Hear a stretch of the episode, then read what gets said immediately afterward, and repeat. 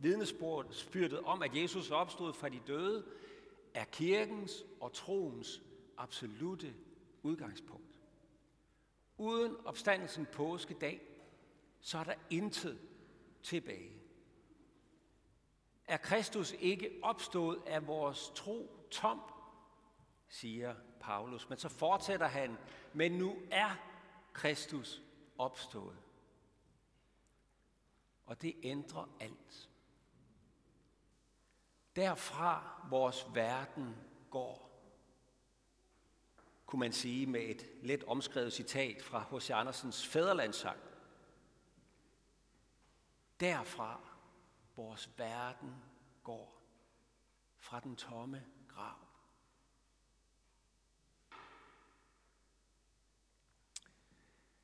Det var derfor, vi skulle begynde der, ude ved den tomme grav, den søndag morgen, og vi kunne høre, hvordan det skræslede, da stenen den blev væltet væk fra graven. Hvor kvinderne fik det allerførste vidnesbyrd om Jesu opstandelse. Men jeg ved ikke, om I lagde mærke til det. For netop prædiketeksten fra Markus evangeliet kommer til at stå så underligt uforløst. Det sluttede sådan her, de gik ud og flygtede fra graven, for de var rystede og ude af sig selv, og de sagde ikke noget til nogen, for de var bange. Det var slutningen på evangelieteksten. Hvor blev den store fanfare af, kan man sige, ikke? Vi nåede slet ikke frem til kvindernes vidnesbyrd, da de kom hjem og sagde, Kristus er opstanden. Vi nåede ikke længere til den, største, den første forvirring og panik. De var bange. Nu er det jo heldigvis ikke det eneste, der står om Jesu opstandelse. Det slutter jo ikke der. Kvinderne fik et møde med den opstandende på vej ind til byen, sådan som Matthæus fortæller os. Og Simon Peter, han fik sit møde med Jesus allerede den samme formiddag, siger Lukas. Jesus mødte to af disciplene på vej til Emmaus også samme dag, og senere på aftenen, da 10 ud af de 11 var samlet bag låste døre, så kom han og stod midt i blandt dem. De var stadigvæk forvirret og bange og kunne ikke fatte noget af det, men de fik lov til at røre ham og til at mærke, at det virkelig var Jesus i kød og blod, der var opstået. Det var ikke et fatamorgana. Og i de næste 40 dage, der var han sammen med dem flere gange. Også netop i Galilea, der hvor englen jo havde sendt dem hen for at møde Jesus. Det var formentlig der, at den opstande Jesus mødte over 500 mennesker på én gang, sådan som Paulus fortæller os i et brev, der blot er skrevet 20 år efter begivenhederne. Men altså, dagens evangelium i dag stopper, inden vi når så langt. Den stopper lige midt i forvirringen med englens vidnesbyrd. Han er ikke her i graven. Han er opstået fra de døde. Han er gået i forvejen for jer til Galilea. Der skal I se ham. Og når vi stopper der med dagens evangelium, så tror jeg ikke, det er et tilfælde. Jeg tror, det er for, at vi skal have noget vigtigt med os, der sidder her i dag. Farvel mødte kvinderne og disciplene Jesus og fik lov til at se ham og røre ham. Men altså heller ikke for dem var vejen til den opstandende uden spørgsmål, forvirring, tvivl og ligefrem frygt. Og det er et gennemgående træk ved opstandelsesberetningerne. Altså Jesus, han gik ikke bare ud af graven og så ind i Jerusalem og sagde, Nå, hvad så? Her er jeg. Hvad vil I så nu, var? Det havde jeg nok ikke lige set komme. Det gjorde han ikke. Han stormede heller ikke disciplene sådan i møde og løb op til dem og sagde, Nå, her er jeg.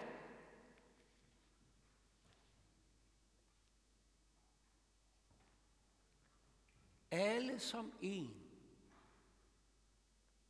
måtte de først møde vidnesbyrdet om hans opstandelse, før de mødte den opstandende selv.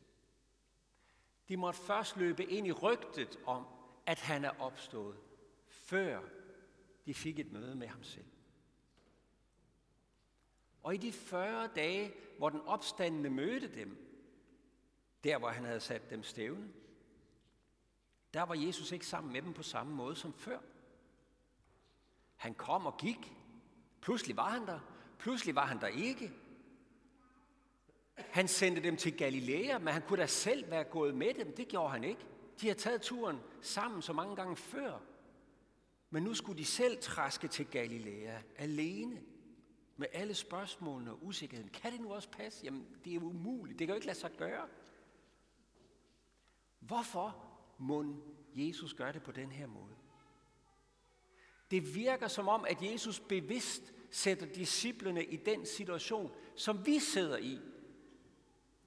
Os, der lever i dag og hører vidnesbyrdet om hans opstandelse.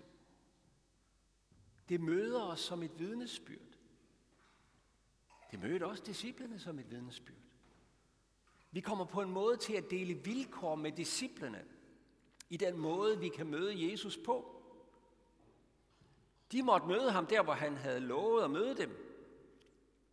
De måtte gå med alle deres spørgsmål og usikkerhed og uvidshed. Og så måtte de træske afsted derhen, hvor han havde sagt, der skal I se mig. Vi må også møde ham der, hvor han har lovet at møde os. De måtte lære at genkende ham i brødsbrydelsen, som I kan huske fra Emmausvandrene. Det var først, da han brød brødet, at de så, at han var hos dem. Vi må lære at genkende ham i nadvåren. At der er han som den opstandende og møder os. At han er der, hvor to eller tre er forsamlet i hans navn. At han er her nu, fordi han har sat os stævne her. Evangeliet om Jesu opstandelse fra de døde kommer som et budskab. Det er det primære. Som et vidnesbyrd, der vil sætte dig i bevægelse, der vil flytte dig og forandre dit liv. Jesus vil gå foran dig til Galilea og møde dig der, hvor han har lovet at møde dig. Og vores Galilea, hvor ligger det? Hvor sender han os hen? Jamen i ordets forkyndelse, i Guds tjeneste, i dåb og nad, hvor I er med det kristne fællesskab, som er Kristi krop, er han til stede, for det har han lovet. Og lige her vil han gøre dig til et opstandelsesvidne, der skal bære den opstandende med ud i verden. Fokus i opstandelsesberetningerne ligger med andre ord ikke på selve miraklet, at Jesus opstod, og hvor overbevist disciplene var om det, og hvilke beviser de måtte have indsamlet for det. Fokus på opstandelsesberetningerne ligger i virkeligheden på dig. Dig, der hører budskabet i dag. Vidnesbyrde, der når dine ører lige netop nu. For det er dig, evangeliet placerer foran den tomme grav. Og budskabet fra englen, der lyder, han er opstået. Han er ikke her i graven. Jesus, undskyld, Johannes siger det sådan i sit evangelium.